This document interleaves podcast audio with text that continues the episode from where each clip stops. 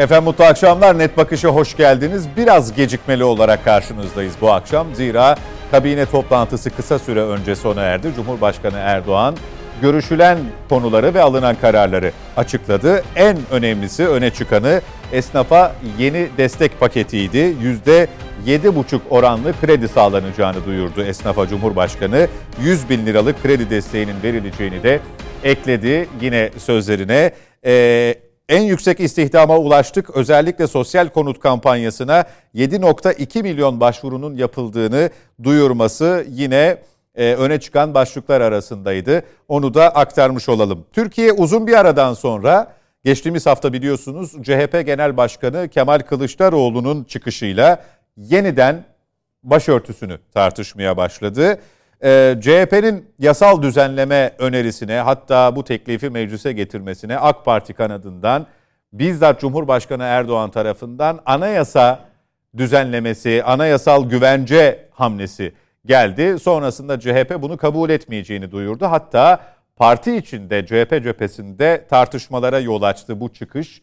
Sayın Kılıçdaroğlu'nun çıkışı halen tartışmanın devam ettiğini söyleyebiliriz. Bir başka gündem maddesi içeride tartışılan dezenformasyon yasası bir sansür yasası mı aslında tartışmanın da e, fitilini ateşleyen kısım burası. Sınırlarımızın dışında ise Rusya-Ukrayna gerilimi Kerç Köprüsü patlamasıyla başka bir yöne evrildi. E, gerçekten evrildi mi? E, biz de bunu ayrıntıları ve yaşananları ilerleyen dakikalarda haritalı anlatımla ekrana getireceğiz diyelim ve konuklarımızı tanıtalım. Her hafta olduğu gibi Nedim Şener ve Mete Yarar bizimle birlikte stüdyoda hazır. Hoş geldiniz Mete Çok Bey. Teşekkürler. Nedim Şener. Ankara stüdyoda ise hocamız sosyolog, gazeteci Hulki Cevizoğlu var. Hocam siz de hoş geldiniz. Merhaba. İyi, iyi yayınlar, iyi geceler. Teşekkürler. Ee, konuğumuzsa Memleket Partisi sözcüsü Profesör Doktor Sayın İpek Özkal Sayan. Hocam siz de hoş geldiniz. Hoş bulduk. Teşekkür ederim. Sağ Evet, olun. konu başörtüsü sizinle başlayacağım. Ee, neden Türkiye başörtüsünü halletmişken, e, yasal anlamda bir güvence altına almışken değil ama e, kamu kurumları da dahil olmak üzere yıllar önce bu konu geride kalmışken ki ondan da yıllar öncesinde çok sıkıntılı, netameli süreçler e, yaşamıştı e, Türk kadınları bu konuda. E, ama bir şekilde çözüldü. Evet. Bu kadar zaman sonra Cumhuriyet Halk Partisi tarafından hasreten bu konunun gündeme getirilmesi, yasal güvence altına alınması adımını nasıl görüyorsunuz? AK Parti'nin karşı hamlesi e, konusunda görüşleriniz neler? Buyurunuz. Teşekkür ederim. Ee, şimdi tabii ana muhalefet partisi genel başkanı dedi ki çok önemli bir açıklama yapacağım. Ee, saat 9'da herkesi Twitter'a bekliyorum Geçen dedi. hafta bugündü. Evet, Tam da bizim geçen hafta programın bugün. devam Evet. ettiği sıralarda. Ee, tabii ana muhalefet partisi lideri bunu söyleyince e, insanlarda bir heyecan uyandı. Acaba ne açıklayacak? Enflasyonla ilgili bir şey mi söyleyecek? E, işte doğalgaz fiyatlarına ilişkin bir açıklama mı yapacak? Akaryakıt fiyatlarına ilişkin bir açıklama mı yapacak? Çünkü Türkiye'nin genel olarak baktığınız zaman e, sorunları bunlar. Ama e, Sayın Kılıçdaroğlu başörtüsüyle ilgili bir açıklama yaptı. E, tabii bu sadece e, kendi partisinde değil ama bütün muhalefet partisi partileri üzerinde de bir hayal kırıklığı yarattı diye düşünüyorum. Gerçi e, altılı masadaki diğer sağ tandanslı e, partiler bundan memnuniyet duyduklarını açıkladılar ve Sayın Kılıçdaroğlu'na Akşener hariç destek verdiler. E, ama Türkiye'nin gündemi bir anda değişti enflasyon konuşulması gerekirken, sığınmacı meselesi konuşulması gerekirken, e, işte doğalgaz fiyatları, işsizlik gibi Türkiye'nin temel problemleri konuşulması gerekirken bir anda gündem başörtüsüne geldi. E, Ben bunu gündem ıskalamak, gündem değiştirmek e, olarak yorumluyorum Sayın Kılıçdaroğlu'nun bu açıklamasını. Şimdi burada aslında temel olarak konuşmamız gereken bir takım başlıklar var. Çok özür dilerim hocam. Neden gündem değiştirsin ki sizin saydığınız maddeler Türkiye'nin sorunları var. Ee, şöyle de dememek lazım oradaki e, hassas ifadenizi aldım. Daha önemli sorunları var. Sanki diğeri de sorunmuş da ondan daha küçükmüş gibi algılanmasın diye. Türkiye'nin sorunları var. Aslında- Doğru teşhis evet. bence. Ee, bu zaten muhalefetin kullandığı e, Sürekli de aslında gündemde tuttuğu bir şey. Bu gündemi neden değiştirsin? Aslında Türkiye'nin artık böyle bir sorunu yok. Dediğiniz çok doğru. Bu sorun çözüldü. Ee, artık Türk kadınının başörtü meselesi gibi bir meselesi de kalmadı. Üniversitelerde de bu problem çözüldü. Yani Türkiye'nin gündeminde böyle bir sorun yok. Ama neden böyle bir e, açıklama yapmak gereğini duydu Sayın Kılıçdaroğlu? Ben bunu çeşitli sebeplere bağlıyorum. Bir tanesi e, elbette ki seçimin yaklaşması. E, her ne kadar e, Sayın Kılıçdaroğlu bunun seçim kaygısıyla yapılmadığını söylese de buna tabii ki hiç kimse inanmaz. Bu doğru değil. E, zaten kendi tabanı içerisinde ve aslında Cumhuriyet Halk Partisi'ni destekleyen bütün yazarlar, bütün köşe yazarları tarafından da şaşkınlık uyandırması ve e, genel bir e, gerekçeye dayandıramaması bu açıklamasını tamamen seçime yönelik, tamamen oy kaygısına yönelik bir çaba olduğunu bize gösteriyor. Muhafazakar kitlenin oyuna talip oldu. Kesinlikle, kesinlikle. Aslında burada Cumhuriyet Halk Partisi e, AK Parti'ye benzeyerek e, onun tabanından oy alma e, derdine düştü ki bunu kesinlikle doğru bulmuyorum. Özellikle bunun Sayın Kılıçdaroğlu'nun aleyhine de dönebileceğini düşünüyorum. Nasıl dönebilir? Parti içinde mi? Parti içinde değil, altılı masa içerisinde. Çünkü altılı masa içerisinde aslında Sayın Kılıçdaroğlu diğer sağ partilerin e, dileğini yerine getirdi, isteğini yerine getirdi bir yerde. Arkasında işte Saadet Partisi'nin, Deva Partisi'nin ve Gelecek Partisi'nin olduğunu söyleyebiliriz. Altılı masanın da bu anlamda e, sağ düşünceli bir masa olduğu biraz daha böyle ortaya çıktı, ön plana çıktı. Aslında çünkü solu temsil eden tek parti tırnak içerisinde orada Cumhuriyet Halk Partisi'ydi. Şimdi artık altılı masadan daha e, sağ tandanslı bir cumhurbaşkanı adayı çıkabilir. Ve böyle bir aday öne sürülürse de Cumhuriyet Halk Partisi'nin artık buna karşı gelecek bir e, şeyi kalmaz. E, bir karşı söylemi kalmaz. Çünkü biz gördük ki e, altılı masa tabi artık Cumhuriyet Halk Partisi ne yaparsa ne söylerse altılı masayı da bağlıyor değil mi? Çünkü partilerin aslında artık ağızlarından çıkanlar altılı masayı da artık e, bir yerde bağlıyor diye Bağla- düşünebiliriz. Bağlamadığı kısımlar oluyor. Bunu beyanlara dayanarak söylüyor. Dayanıyor ama ondan sonra da işte şey arasında masa içinde bir takım problemler yaşanmaya başlıyor. Şimdi e, bu çıkış aslında bir yerde dediğim gibi Deva Partisi'nin, Gelecek Partisi'nin ve Saadet Partisi'nin, İyi Parti biraz daha kendini ayırdı. Türkiye'nin böyle bir yarası yok dedi Sayın Akşener. E, onların da isteği gibi oldu. E, peki biz daha doğrusu vatandaş, Cumhuriyet Halk Partisi seçmeni açısından düşündüğünüz zaman e, onayladı mı Sayın Kılıçdaroğlu'nun söylemini? Ben hiç onayladıklarını zannetmiyorum. Bilakis e, aslında biraz böyle cumhuriyetçi kesimi, layık kesimi, Atatürkçü kesimi Cumhuriyet Halk Partisi'nin cepte gibi görmesi ki bunun da onun seçmen kitlesine, seçmen tabanına büyük bir haksızlık olduğunu düşünüyorum. Yani biz ne söylersek söyleyelim zaten bizim bir seçmen tabanımız var, bir seçmen kitlemiz var. Biz ne yaparsak yapalım bize oy verirler. Kemik Hayır böyle oyun bir şey yok. Evet. Hayır böyle bir şey yok. Buna da katılmıyorum kesinlikle. E, çünkü vatandaş izliyor. Çünkü aynı şeyi altılı masa dedi ki biz hangi cumhurbaşkanı adayını çıkarırsak çıkaralım vatandaş bizi destekleyecek. Onlar cumhurbaşkanı adayını merak da etmiyorlar. Bunu anket şirketleri de söyledi.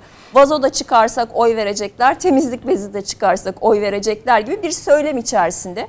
Bunu da kesinlikle doğru bulmuyorum. Bu vatandaşın görüşünü, eğilimini e, ve oy verme davranışını etkilemektir. Hiçe saymaktır aslında. Küçümsemektir daha doğrusu.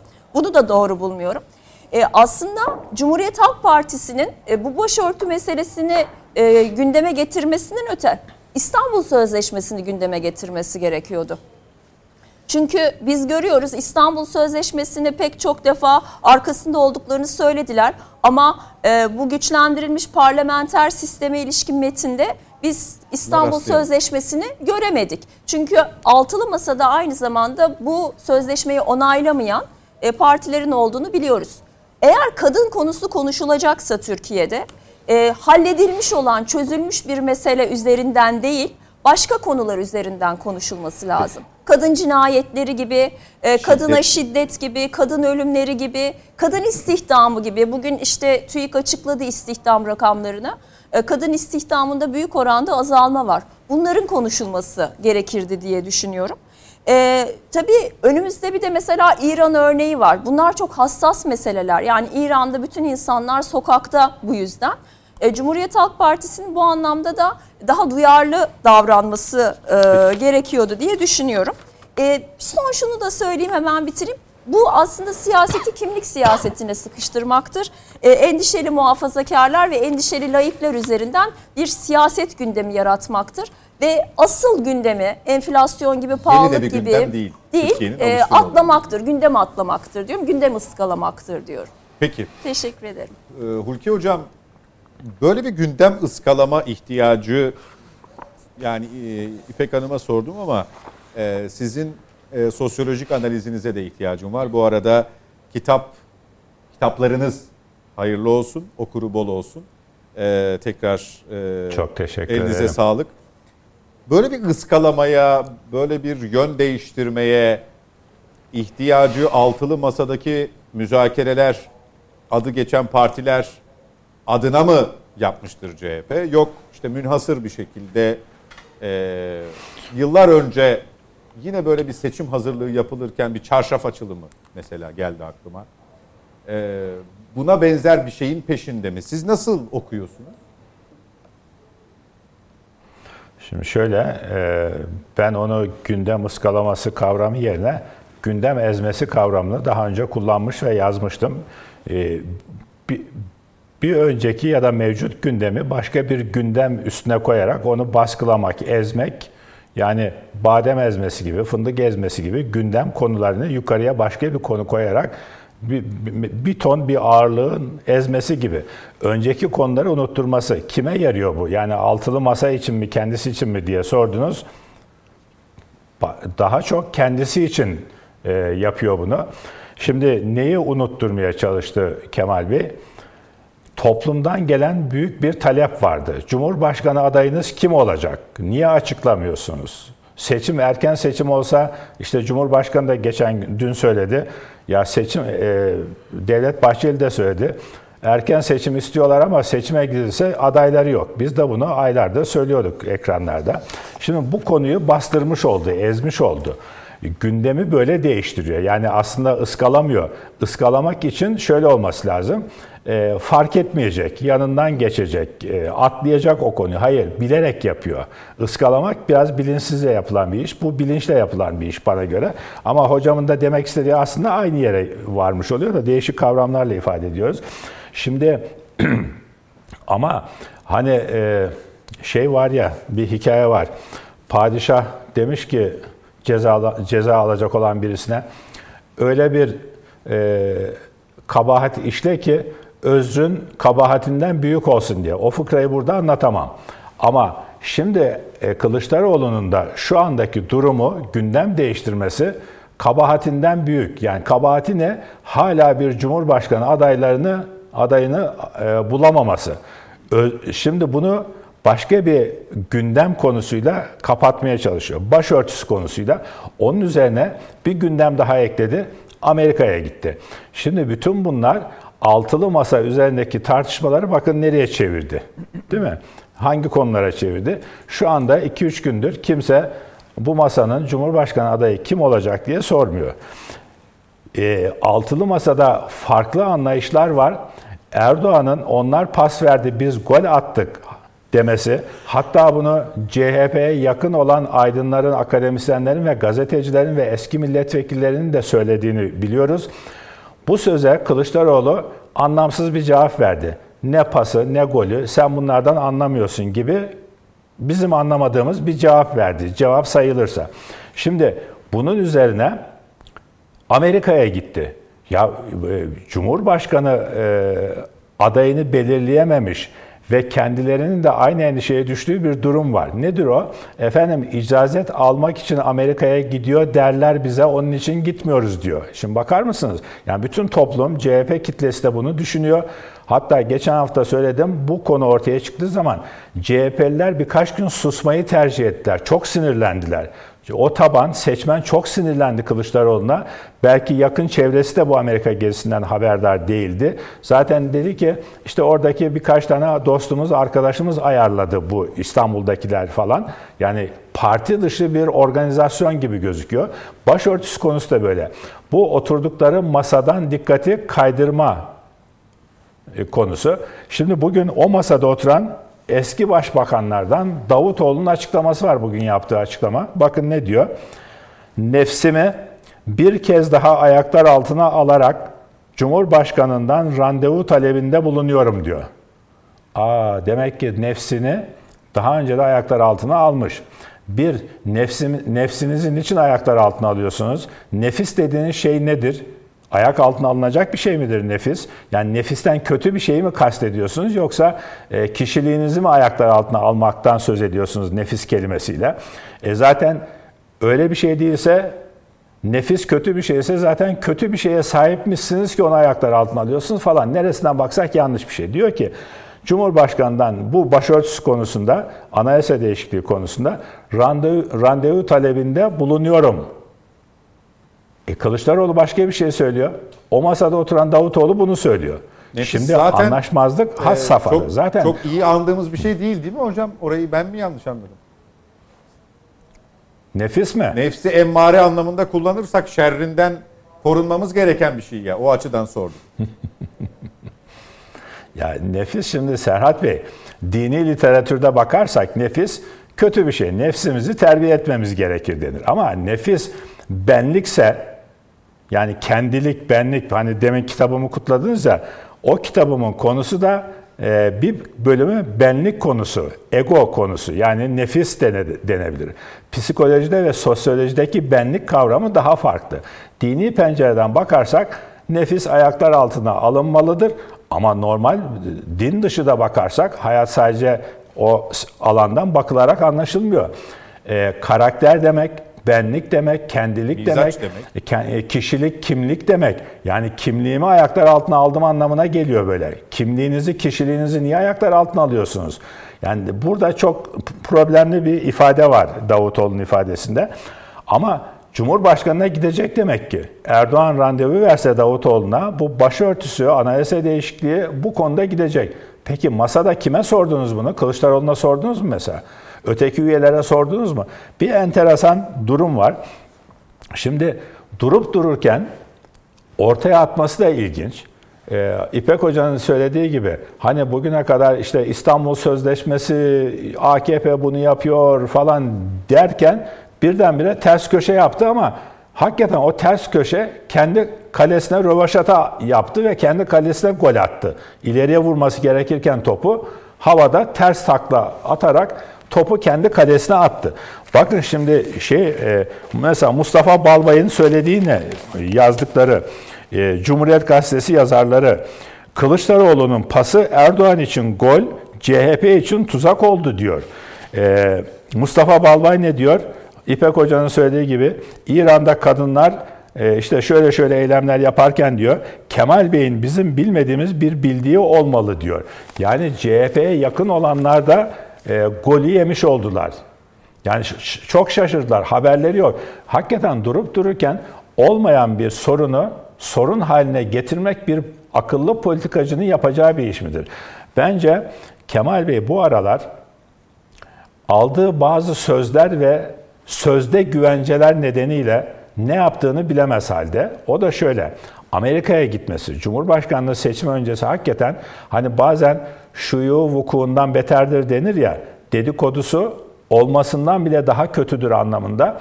Yani siz icazet almak için gitmeseniz bile zamanlama yanlış bir kere. Böyle bir şey olabilir mi? Seçim öncesi henüz adayını belirleyememişken kozmik güçlerin size kurdurduğu masada kendi aranızda halledemediniz. Gelin bakalım kulağınızı çekeceğim. Siz o masada ne yapıyorsunuz diyen bir güç var ise onun ayağına gitmiş oluyorsunuz. Ne diyor? Amerika'dan yaptığı açıklama var bugün Kılıçdaroğlu'nun. Hiçbir siyasi görüşme yapmayacağız diyor. Gitmeden önce de demişti bunu. Siyasi görüşme yapmayacağız deme ihtiyacı bile kuşkulu bir ifade. Ayrıca niye yapmıyorsun? Sen siyasetçisin, sen profesör müsün? E, MIT'ye e, MIT Enstitüsü'ne gideceksin. İlk durak e, MIT. Başka bir evet. üniversiteye gideceksin. Sen akademisyen misin? Siyasetçi olarak senin üniversitede ne işin var ya? Ha git oraya da git ayrı bir şey. Ama sen önce siyasetçisin. Siyasilerle görüşmeyeceğim. E, affedersin ya e, siyasetçi olarak işini yapmıyorsun, üniversiteye gidiyorsun. Şimdi bunlar hakikaten kabul edilebilecek şeyler değil. Bir de diyor ki ne yaptığını bilmez halde diyorum ya Kemal Bey bu ara kendisini şoke edecek bir teklif almış olabilir. Sahte bir teklif olabilir bu Cumhurbaşkanlığı seçimi öncesi dışarıdan. Diyor ki bugün Amerika'dan yaptığı açıklamada ziyaretlerim bitince Türkiye'ye yapısal reçete açıklayacağım. Yani Türkiye'nin yapısını değiştirmek için yapısal reçete o, değil mi? Yeni bir yap, yapılanma için reçete demek. Yapısal reçete açıklayacağım diyor. Şimdi ben ben de şunu söylüyorum bu ekranlarda. Atatürk'ün partisiyiz. Atatürk'ün kurduğu partiyiz. Atatürk'ün koltuğunda oturuyoruz diyen bir genel başkanın Türkiye'nin yapısal reçetesini Amerika'da araması yanlıştır. CHP'nin Atatürk'ün kurduğu partinin reçetesini Atatürk 99 yıl önce yazmıştır. Cumhuriyeti kurduğu zaman 1923'te 99 yıl önce yazmıştır. Bir CHP'nin başında duran bir genel başkanın reçetesini Atatürk'te araması beklenmez mi? Amerika'da mı reçete aranır? Amerika'dan sonra İngiltere ve Almanya'da mı Türkiye için reçete aranır? Siz Atatürk'ün partisinin genel başkanı değil misiniz? Atatürk'ün yazdığı ve çok ayrıntılı yazdığı reçete size yetmiyor mu? Bu nasıl bir Atatürk'ün partisi ve Atatürkçülüktür? Diyorum ya biraz kendini kaybetmişlik var. Şimdi e, daha önce giderken de şu açıklama yapmıştı. Vizyon yolculuğudur bu Amerika'ya gidişimiz. Vizyon yolculuğunun ilk durağı Amerika. Bu nasıl vizyonsuzluk? Vizyonsuzluğu bize vizyon olarak sunuyorsunuz. Atatürk'ün partisinin vizyonu, vizyonunun ilk durağı Samsun olmalı değil mi? Bugüne kadar hep Samsun'dan çıktı pek çok politikacı. Samsun'a gitti ilk ziyaretini yaptı Atatürkçüyüm diyen politikacılar. Sizin vizyonunuz Amerika'ya gitmek mi? Bu kadar küçük mü? Mesafe uzun ama sizin vizyonunuz darmış demek ya. Ya Samsun burada, Samsun'dan başlatıyorum ben seçim çalışmalarını e, demesi daha vizyoner bir davranış olmaz mı Atatürk'ün partisi yaptı, için? Onu da yaptı. Ya bu hakikaten e, bir de ne diyor? Cumhuriyetin ikinci yüzyılı vizyonu olacak. Cumhuriyetin. Bence Cumhuriyetin değil. Cumhuriyet Halk Partisi'nin ikinci vizyonu başlıyor galiba şimdi. Amerika, İngiltere'den icazet almak, buradaki insanların programını bile ayrıntılı olarak tam olarak bilmediği bir gezi, Kemal Derviş'in vaktiyle gelip Ecevit'in başbakanlığı sırasında Amerika'ya tekrar gidip bir ay boyunca Ecevit'in ondan haber alamaması vakasına benziyor. Ya bu, bu, bu nasıl bir şeydir? Yani bunu e, CHP'ye gönül vermiş olanlar ya da daha doğrusu Kılıçdaroğlu'nu hala desteklemeye devam eden e, o kesimdeki sevgili kardeşlerimiz, seçmenler, Atatürkçüler değerlendirmelidir diye düşünüyorum. Peki. Başörtüsü konusu da oradan aldığı şevkle davet bile yok. Yani beni kimse davet etmedi diyor. Davet bile yok. Davetsiz misafir olarak gidiyor. Ya da var davet, onu gizliyor. Her neyse o yakında çıkar ortaya. Ama Başörtüsü konusundan geldik buralara. İkisi iç içe.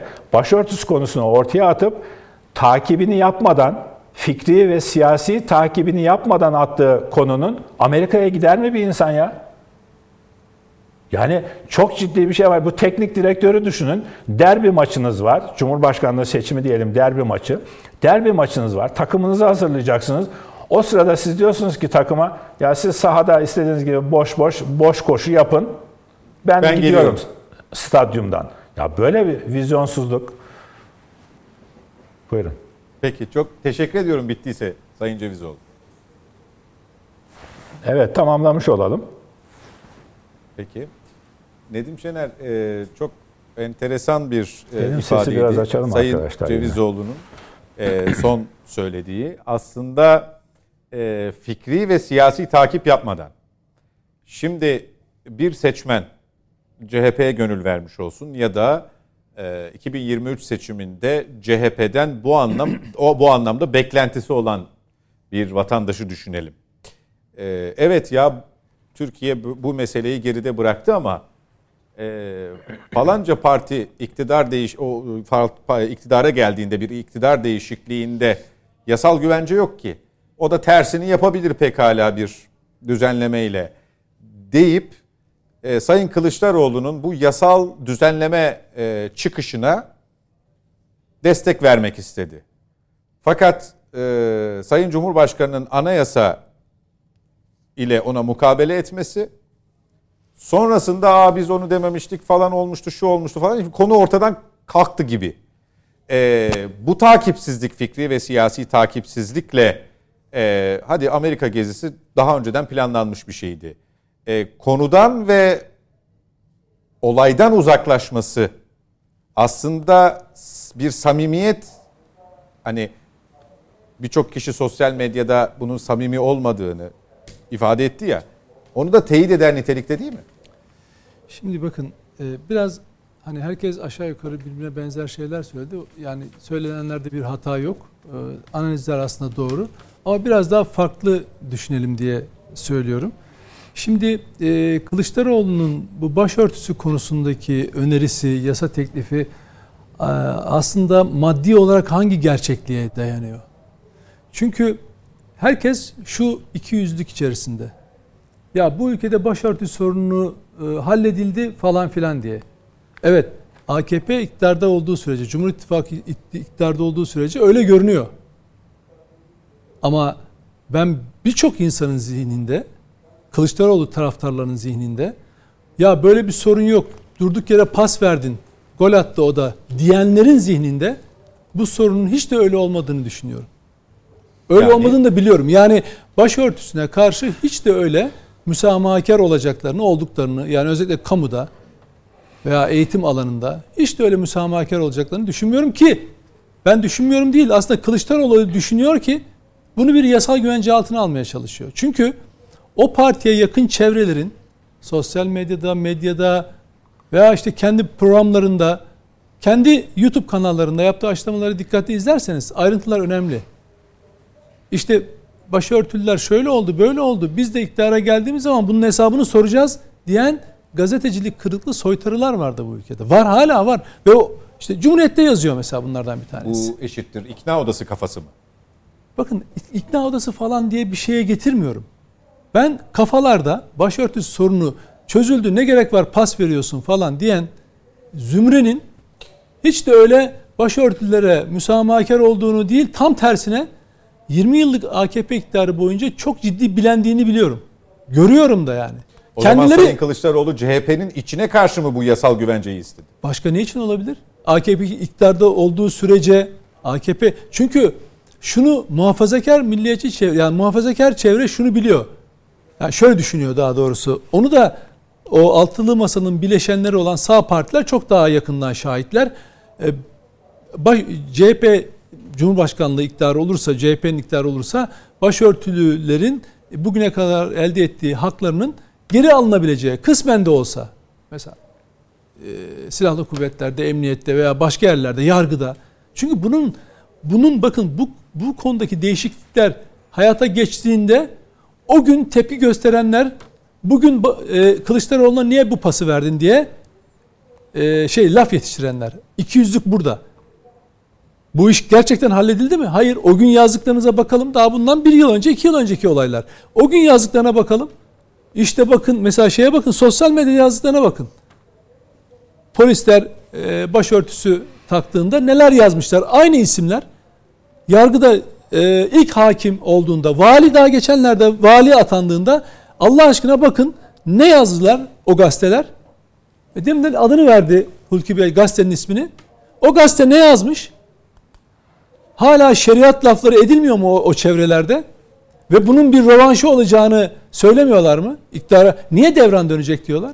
Devran sadece bizim için bilmem ne için demiyorlar. Devran dönecek hesap soracağız diyorlar. Ve bu AKP iktidarı dönemi, bu hükümet dönemi onları bu konuda biledi. Siz farkında bile değilsiniz.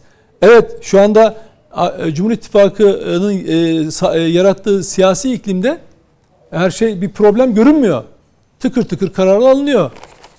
Ama başkan, Cumhurbaşkanı değiştiğinde, kabine değiştiğinde, yasama değiştiğinde her şey farklı olacak. Hiç öyle şu olmayacak. Yani şu, mesela ya zaten şuradaki gereksizdi. Şu anlamlı değildi. Bu zaten laikliğe aykırıydı.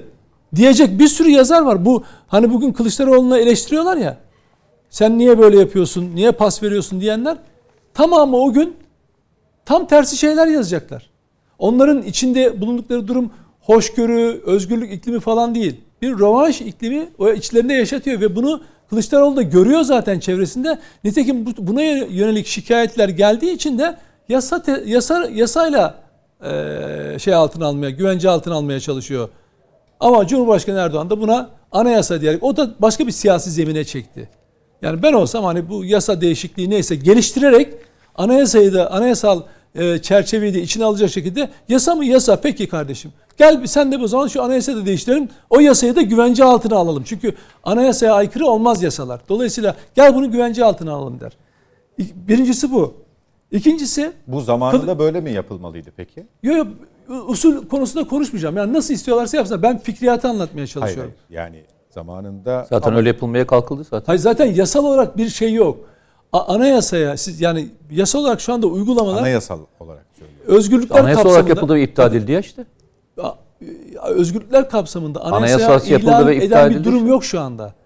Anayasa ihlal eden bir durum yok. Ama anayasal güvence başka bir madde. Yani bir güvence maddesi koyalım. Hani kılık kıyafet konusu hiçbir şekilde engellenemez falan dediğin zaman artık o hangi yasayı çıkarırsanız çıkar anayasaya aykırı olamayacağı için bir düzenlemedir. O da onun altında olur. Şimdi ikincisi Kılıçdaroğlu bunu niye gündeme getirir? Bir unsur da şu. Tart yani tartışmalardan çıkan çıkardığım sonuçları söylüyorum. Aslında böyle bir e, gündemi yok. Niye gündem değiştirdi Kılıçdaroğlu? E, İpek Hanım da buna dikkat çekti. E, yine Kılıçdaroğlu'na yakın.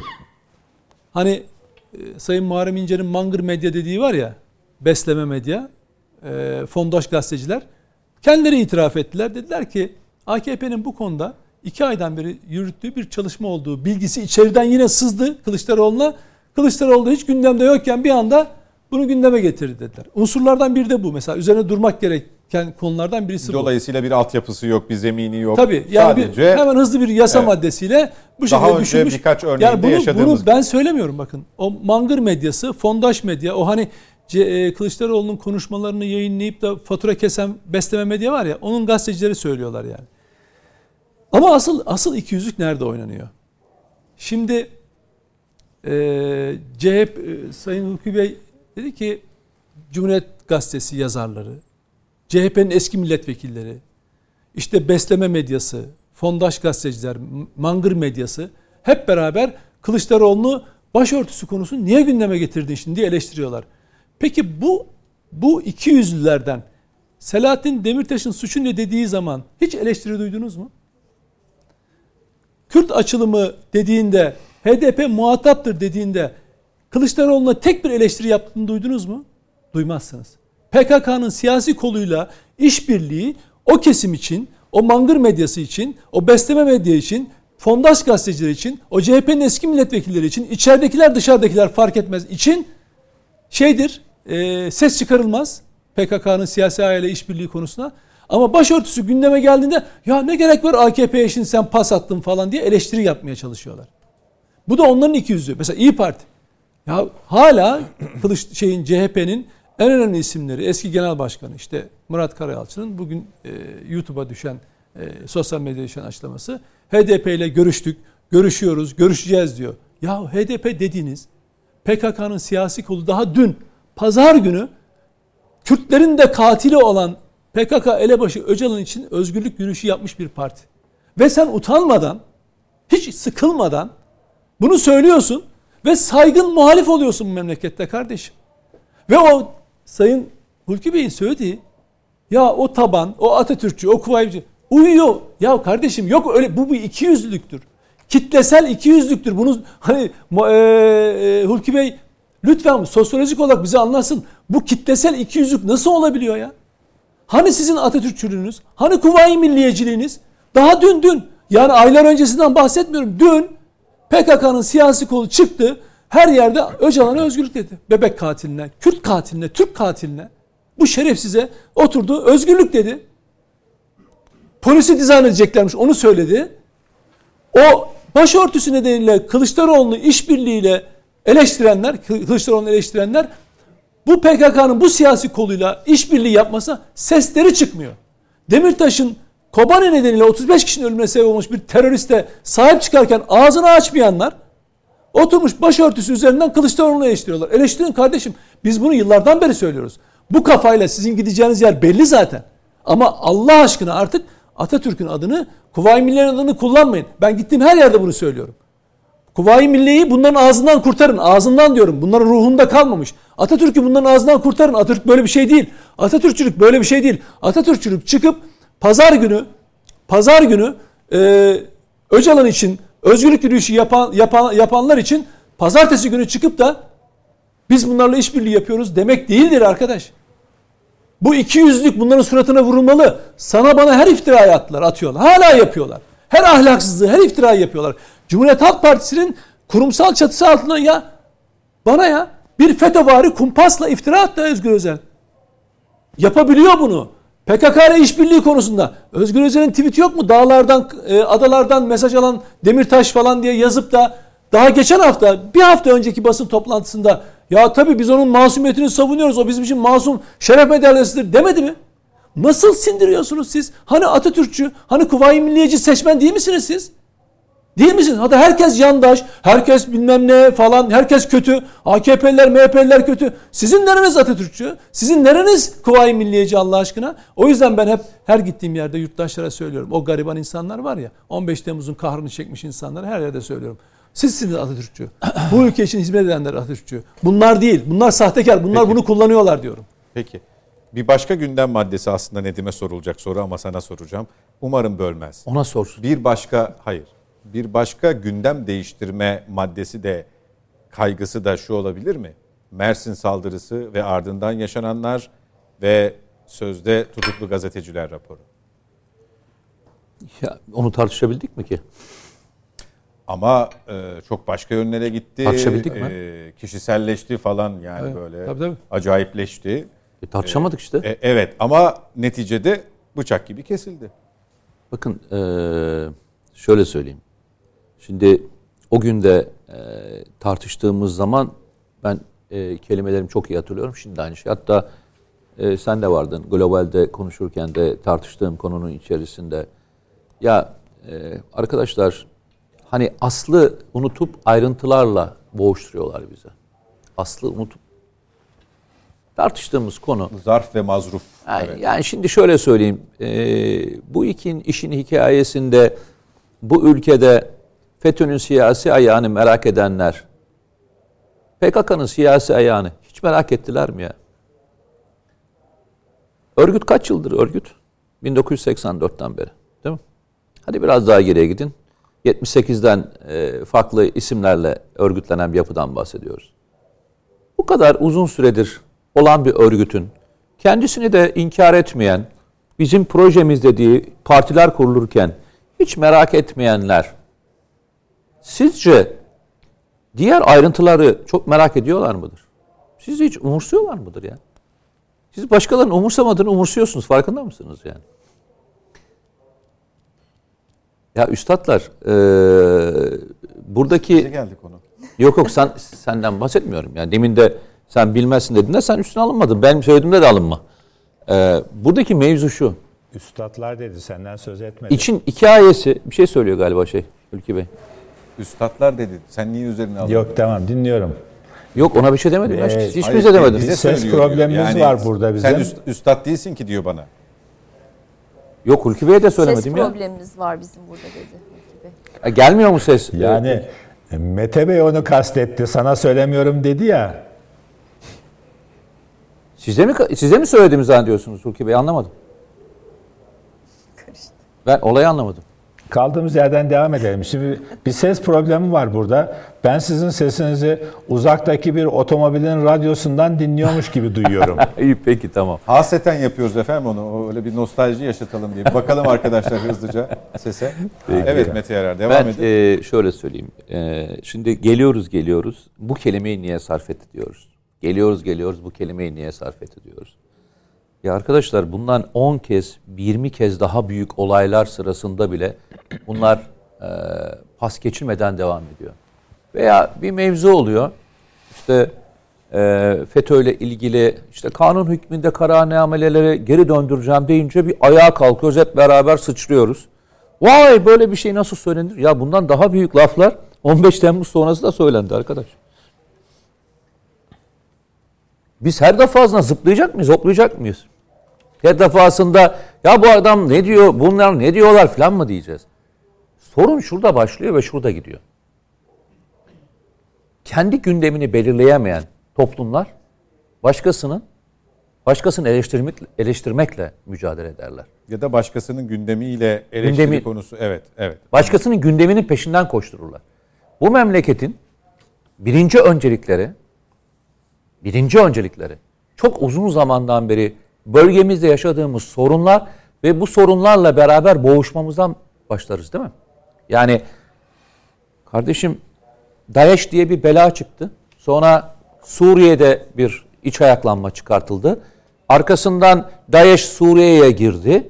E, arkasından işte e, bölgede çıkan savaşlar, Gürcistan'dan e, Azerbaycan topraklarının işgaline kadar başlayan süreçler dahil olmak üzere Irak'taki PKK'nın varlığıyla da beraber yaşanan süreçlerin içerisinde bu süreçlerin Türkiye'ye maliyeti ve ondan sonraki yaşanan süreçlerde Türkiye'nin ödediği bedeller.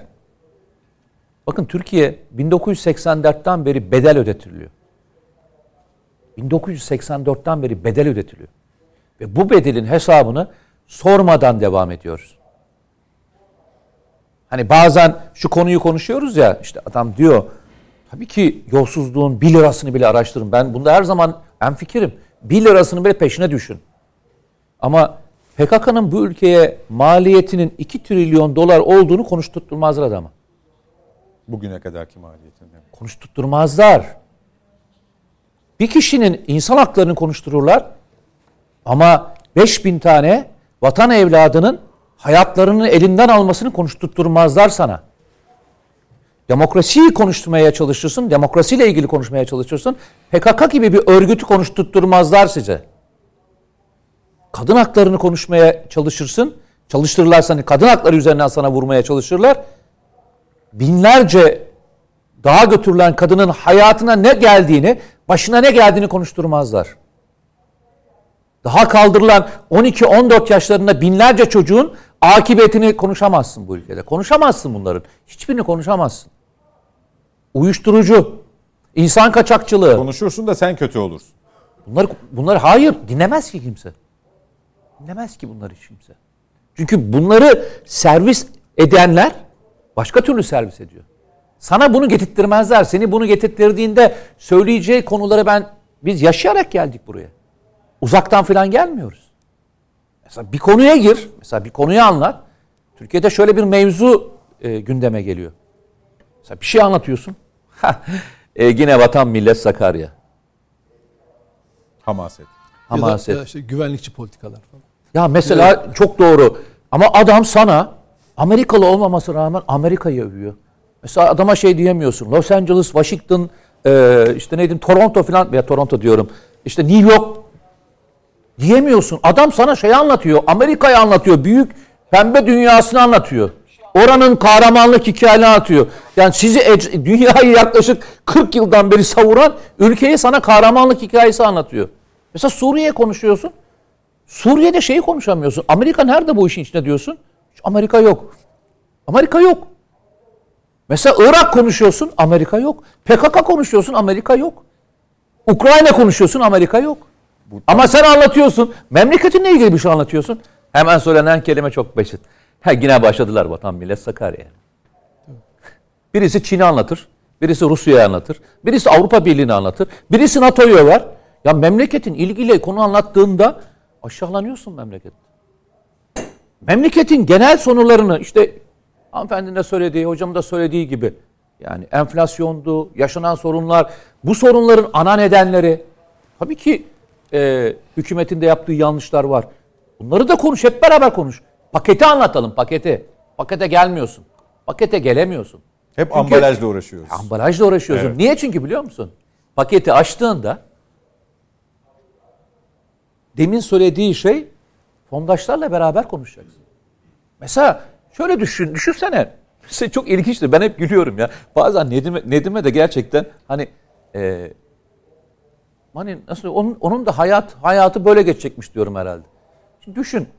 Adam bir kez hayatı boyunca bir e, ödül vermesi, ödül verilmesi için Amerikan elçiliğine gitti.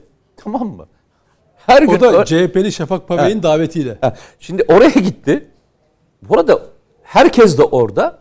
Kılıçdaroğlu, HDP'liler dahil olmak üzere. Herkes orada. Ee, adamın bir tek fotoğrafı üzerinden Amerikancı ilan edenler arkadaş benim bildiğim kadarıyla dağıtılan paranın haddi hesabı yok Amerika'dan Türkiye'ye gelen. Basına dağıtılan paranın haddi hesabı İşin yok. göbeğinde oturanlar.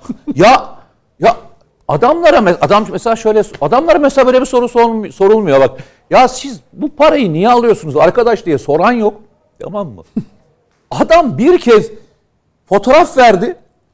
Adam bunu anlatmaya çalışıyor. Ay yanımda, yanımda çok özür dilerim. Yanımda Şafak Pavey var CHP'li.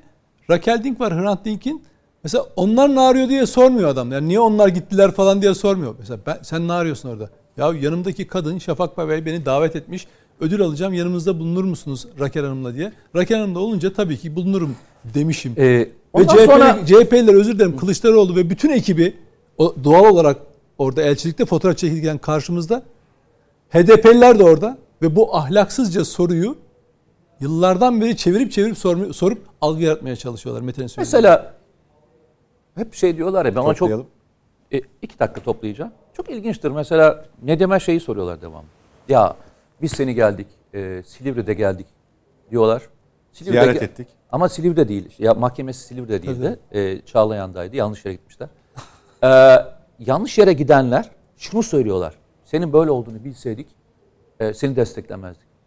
Ben de şu soruyu soruyorum. Zaman zaman olduğum yerlerde Nedim neydi de değişti? Mesela Yo ben de sordum. Hayır mesela Atatürkçü'de Atatürkçü'de başka bir şey mi oldu? Mesela adam hani vatanla ilgili iyi bir şey söylüyordu. Bugün mü söylememeye karar verdi? Mesela adamın Yok, bir geçmişte mi söylemiyordu da bugün, ha, bugün söylüyor. karar verdi? O gün yolsuzluk yapıyor da bugün mü e, pardon o gün Durust da bugün yolsuzluk mu yapıyor? Adamın o zamanki cebindeki parayla bugünkü parasında böyle anormal bir değişiklik mi oldu? Adamın neyi değişti diye soruyorum. Yanına bir tane daha örnek koyuyorum. Peki bu nasıl değişti diye soruyorum. Hiç onun cevabını vermiyorlar. Burada konuşuyorsun. Niye biliyor musun? Sorun şurada abi. Bu memleketin sorunu demin hocam da dedi, işte e, Hulki Bey de söyledi. Bu ülkenin gerçek sorununu konuşamadığınız müddetçe sizi birbirinize düşürerek hayatı devam ettirirler. Başörtüsü de bunlardan bir tanesi. Gerçekten çözülmesini isteseniz bu sorun çözersiniz. Ama çözülmesini istenmediği, istenmediği için yine onu konuşturtmazlar size. Oraya gelemez. Demokrasiyi konuşamazsın. PKK'yı konuşamadığın gibi, FETÖ'yü konuşamadığın gibi. Çünkü konuşsan çözüm üretirsin. Çünkü konuşanlar çözüm üretmek için fikir beyan ederler. Peki. O, o bir, bir cümle söyleyeyim. Ama İpek değişti. Hanım İpek Hanım'ın nezdinde. Ama yo, değişti. Yo yo. Ha, İpek Hanım'ın nezdinde Sayın Muharrem İnce için söyleyeyim. Aynı zavallı güruh, aynı iftiracı ve yalancı güruh Muharrem İnce'yi bir gecede AKP'li ilan etmiş hatırlayacaksınız. Bir gecede. O gecede adam Saray. ailesiyle beraber CHP'li yöneticilerle beraberken olduğu halde yok sarhoştu. Ha olmadı albaylar kafasına silah deyip kaçırdı falan filan. Böyle ahlaksız bir yalanı bu böyle bir ahlaksız yalanı kendi partisi o zamanki partisinin elemanları söylediler. Adam yıllardan beri 4 yıldan 3-4 yıldan beri bunu anlatmaya çalışıyor. Ya hiç mi vicdanınız yok? Hiç mi Allah'tan korkunuz yok? Ya bana Özgür Özel'in attığı iftira şey vız gelir tırıs gider gerçekten. Ya sen 40 yıllık sen daha şey Manisa'da çömezlik yaparken adam CHP diye duvarlara 15 yaşında yazı yazmış. Senin yaşından büyük neredeyse CHP'li var. Sen çıkıp bu adam Muharrem İnce'yi eleştiriyorsun. Peki, Allah'tan korkun utanın be. Ben o yüzden diyorum hani bana iftira atmış çok bir şey değil. Muharrem İnce'yi AKP'li etmiş. Mehmet Ali Çelebi'yi bunlar aynı güruhtan bahsediyorum. Aynı zavallı güruhtan bahsediyorum. Yeter ki ciddi bir eleştiri yapın. Hemen aforoz edilir ya da ihraç edilirsiniz. Bak ihraç edilirsiniz. Kaç kişi ihraç ettiler CHP içerisinde? Peki bu bölüm için teşekkür ediyorum tüm konuklarıma. Ara vakti reklamların ardından buradayız efendim bizden ayrılmayın.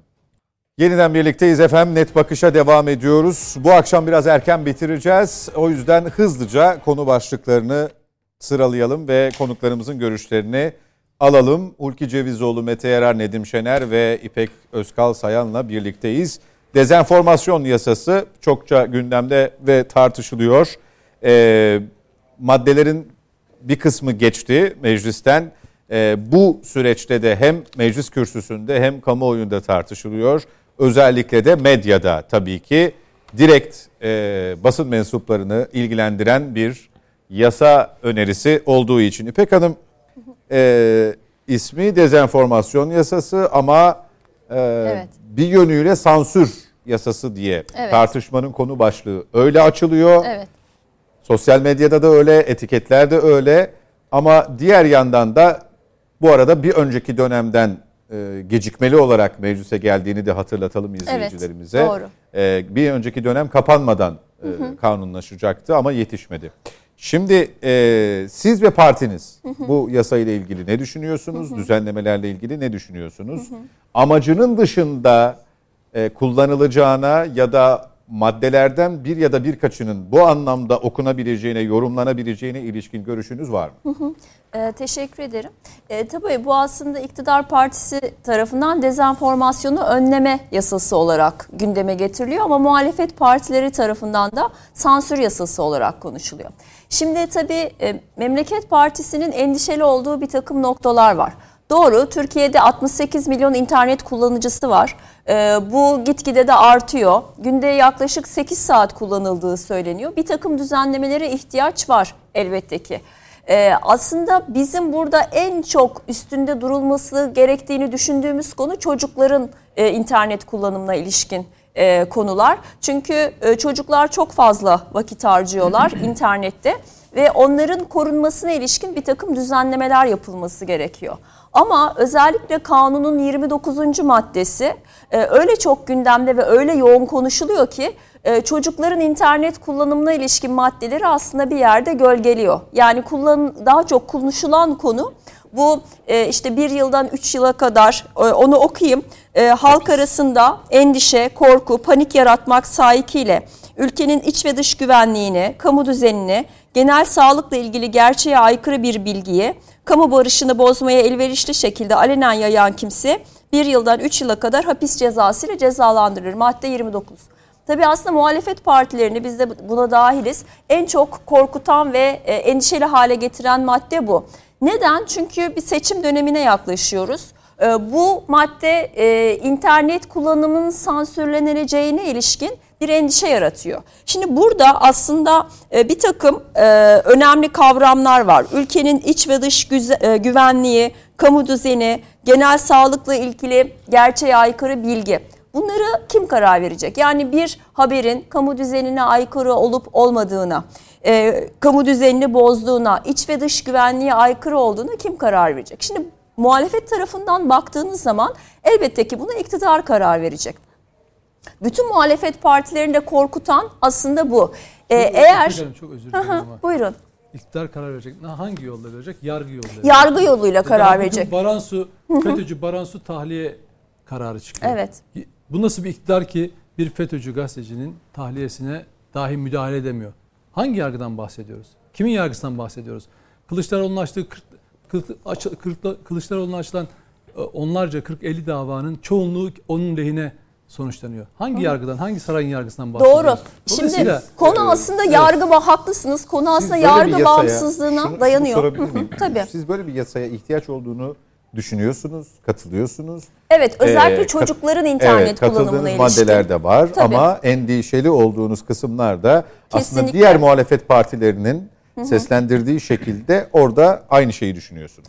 Evet öyle düşünüyoruz. Şimdi konu Nedim Bey'in de söylediği gibi aslında yargı bağımsızlığı. Bir şeyin kamu düzenini bozup bozmadığına, iç dış güvenlikle ilgili olup olmadığına yargı karar verecek. Ve burada bir yıldan üç yıla kadar hapis cezası var. Kişiler nasıl yargılanacaklar? Tutuklu yargılanacaklar. Bu kişilerin internet kullanımındaki aslında özgürlüğüne bir yerde ket vurmak olacak. Ee, ifade özgürlüğünün engellenmesine ilişkinde düşünülebilir. Ee, bu endişe verici bir madde. Ee, tabii bunu düşünmemizin bir, yer, bir diğer nedeni de seçimin e, yaklaşması. Ama e, mesela çocukların internet kullanımına ilişkin maddelerde de çok büyük eksiklikler olduğunu e, biz görüyoruz ve bunlar ne yazık ki konuşulmuyor.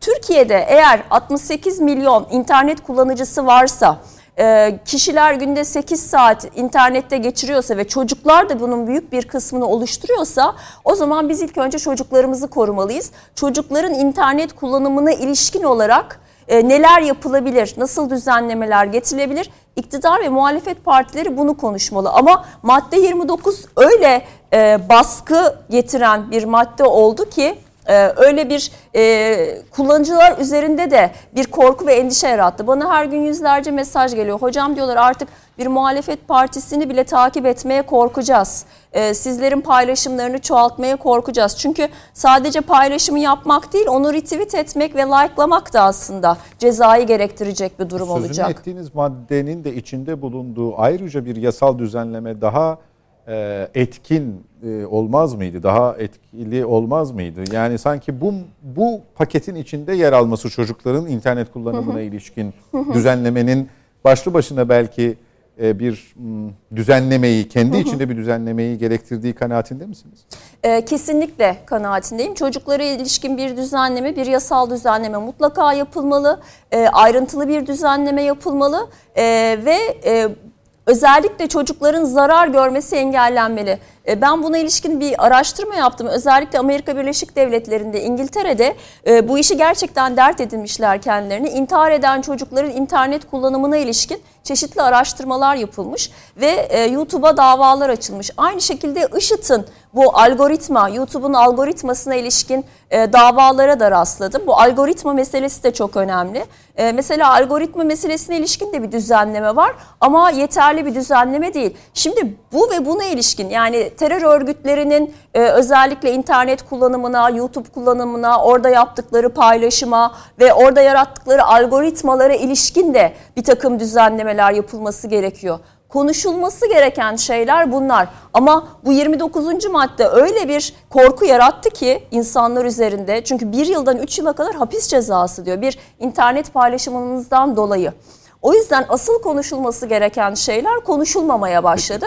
O yüzden bu madde 29'a biz de Memleket Partisi olarak karşı olduğumuzu belirtmek istiyorum. Peki Hulki Bey siz ne dersiniz bu yasayla ilgili? Şimdi biraz farklı düşünüyorum. Bu sosyal medya dediğimiz e, sanal ortam küfür ortamı olmamalıdır. Hakaret ortamı olmamalıdır. İnsanları linç etme ortamı olmamalıdır değil mi? Bunda hemfikiriz. Ee, mesela demin Nedim de Memleket Partisi'nden Muharrem İnce'den örnek verdi. Seçim gecesi Muharrem İnce hakkında sayısız dezenformasyonlar yapılmadı mı? Yani adamcağız kendi hakkını yıllar sonra ancak arayabildi, anlatabildi ekranlarda Muharrem Bey. Yani yıllarca ben bile Muharrem İnce'yi suçladım. O gece çıkıp niye açıklama yapmadı diye. Ama sonra açıkladı. Bizim programa da geldi açıkladı. Başka platformlarda da. Yani o sırada iki Cumhurbaşkanı adayından bir tanesiydi Muharrem İnce. Hakkında ne haberler çıktı? Şimdi burada bizim anlamamız gereken, e, önce şu sözü söyleyeyim. Hani e, iktidar, çocuklar bu sefer de yankı yapıyor sesi bana geri geliyor. Şimdi bu dezenformasyon yasasında, yasasıyla ilgili şunu söyleyelim. Genel bir kanı var hukuk dünyasında kötü kanun yoktur, iyi hakim vardır diye. İstediğiniz kanunu çıkarın, hakim eğer bunu hakkaniyetli ve hukuka uygun biçimde uygularsa mesele yoktur. Ya da dünyanın en güzel kanununu 8 milyar insanın onaylayacağı, çocuklar dahil hepsinin onaylayacağı bir yasa çıkarın. Eğer hakimler kötüyse onların elinde tıpkı demokrasinin bazen demagog siyasetçilerin elinde can çekişmesi gibi o yasada can çekişir. Onun için yasayı uygulayıcılar önemlidir. İşte biz burada televizyon programı yapıyoruz hep birlikte. Kötü konuşabiliriz, iyi konuşabiliriz. Kaliteli program olur. Sesi yani gitti Bey'in. uygulama çok önemli. Şimdi bunu söyledikten sonra şuna bakalım. Adı dezenf... Bir şey mi dediniz? Evet devam edin e, Sayın Cevizoğlu buyurun. E, dezenformasyon yani kötü yanlış bilgi, enformasyon bilgi ya yanlış bilgi yayma. Şimdi bu kavramda e, kavram yasada nasıl söz ediliyor ve biz toplum olarak bundan ne anlayacağız? Mesela burada kastedilen enformasyon yani bilgi, bilginin yanlış yayılması, siyasi enformasyon mu? Ekonomik enformasyon dahil mi? Kültürel, sportif enf- enformasyon dahil mi? Örneğin e, enforme nasıl oluyoruz biz? Yani nasıl bilgileniyoruz? Diyelim ki reklamlar, yanıltıcı reklamlar da bu dezenformasyon yasasına dahil mi? E, filanca diş macunu işte bir dakikada dişinizi bembeyaz yapar diye bir enformasyon reklam olursa reklamlar buna dahil mi? Şimdi bunları bilmiyoruz. Ama toplumdaki genel kanı şu. Siyasi bir e, de- dezenformasyondan kastediliyor. Siyasiler ve iktidar kendisini korumak amacıyla bunu çıkarıyor diye genel bir kanı var. Ama hakikaten yanlış bilgi, bilgilendirme söz konusuysa bu alanlara da yani bir kitap konusunda, spor haberi konusunda, reklamlar konusunda da yanlış bilgilendirme bu yasanın kapsamına giriyor mu bir. Bir de dezenformasyondan ne anlıyor toplum ve yasanın içeriği ne? Yanlış bilgi yaymak mı? Yoksa İpek Hoca'nın dediği gibi zararlı bilgilerden korumak mı? Mesela çocukları korumak değil mi internette? E, e, zararlı bilgi ayrı bir kavram, dezenformasyon ayrı bir kavram. Çocuklar için zararlı bilgi, zararlı enformasyon büyükler için zararlı değildir. Yani yaş gruplarına göre, kültürlerine göre e, farklı farklı bilgiler vardır. Bu zararlı bilgi denilenler dahil mi buna? Bunun kapsamını nasıl belirleyeceğiz? Yani ben şuna dikkat ediyorum. Hakimin ve iktidarın yaklaşımından, mahkemelerin yaklaşımından daha ziyade kanun neyi kapsayacak? Ya dünyada o kadar çok sayı örnek verebiliriz ki zararlı bilgi bana göre zararlıdır. Mesela ne bileyim Marx, Marx'ın kitabını okumak bir iktidara göre zararlı bilgi sayılabilir. Marx'ın kitabını okumak, Marksist olmak zararlı mıdır? Ben internette Marx şu sözü söyledi diye yayarsam bu kapsama giriyor mu? Yoksa siyasiler, siyasi partiler iktidar muhalefeti için yanlış bir tweet atarsak mı olacak? Bunların e, tanımını çok iyi yapmak lazım. Bir de ifade özgürlüğü. Şimdi ifade özgürlüğü konusunda muhalefetin genellikle yaklaşımı bu. İfade özgürlüğü sınırlanıyor. Siz de zaten bu başlığı açarken sansür yasası mı nasıl değerlendiriyorsun diye sordunuz. Şimdi Confucius'un dediği gibi hani e, bu daha çok Uğur Mumcu'ya mal edilir ama Confucius'un sözü bilgi sahibi olmadan fikir sahibi olmak. Türkiye'de okumadan, yazmadan, araştırmadan, bilgiden uzak yaşayarak bilgi sahibi olmadan fikir sahibi olan milyonlarca insan var. Ve bunların çoğu İpek Hoca söyledi 68 milyon internet kullanıcısı var dedi. Bu 68 milyonun içinde o kadar çok fikir sahibi olan var ki bakıyorsunuz sizin A dediğinize B olarak anlamış ona göre yorum yapmış. Veya söylemediğiniz yapmadığınız bir davranışı yazmış. Şimdi bu fikir özgürlüğü mü sayılacak? Yani herkes önüne gelen çala kalem herkes hakkında karalama yapabilecek mi? Ya işte biz de affedersiniz yani çok kibar konuşalım ya dedim ama şunun için dedim. Bazen de ağzımdan kaçıyorum ulan diyorum genel olarak. Şöyle Yahu Kanal İstanbul projesine destek veren Atatürkçüyüm dediğim için ya tamam İstanbul'a destek ver ama ver ama sonunda niye Atatürkçüyüm diyorsun diye linçe uğradık mesela. Ya bu, bu, bu nasıl fikir özgürlüğü mü bu? Yani Atatürkçü istediği projeyi destekler, istediğini destekleyemez mi? Sadece ben bir partinin sahte Atatürkçülerin yani o partiyle ilgili demiyorum genel olarak. Sahte Atatürkçülerin eleğinden, süzgecinden mi geçme, geçmek zorunda benim söyleyeceklerim? Ben 24 saat kitap okuyan bir adamım. Hayatında iki tane kitap okuyan, hayatında ya da bir yılda iki tane kitap okuyan adam sizi anlamadan eleştirecek. Nasıl sen Atatürkçüsün? E, Atatürkçülüğümüzü yarıştıramayız ki. Veya başka bir konuda başkasının bir e, yeteneğini, bilgisini yarıştıramayız. Şimdi buna fikir özgürlüğü diyecek miyiz biz? Bu yasa çok önemli. Son olarak daha önce Türk Ceza Kanunu'nun ilgili e, kaçıncı maddesiydi hatırlamıyorum. E, devlet aleyhine işlenen suçlar. O çıkarken de böyle çok tartışmalar yaşandı toplumda. Ama suç azalmadı.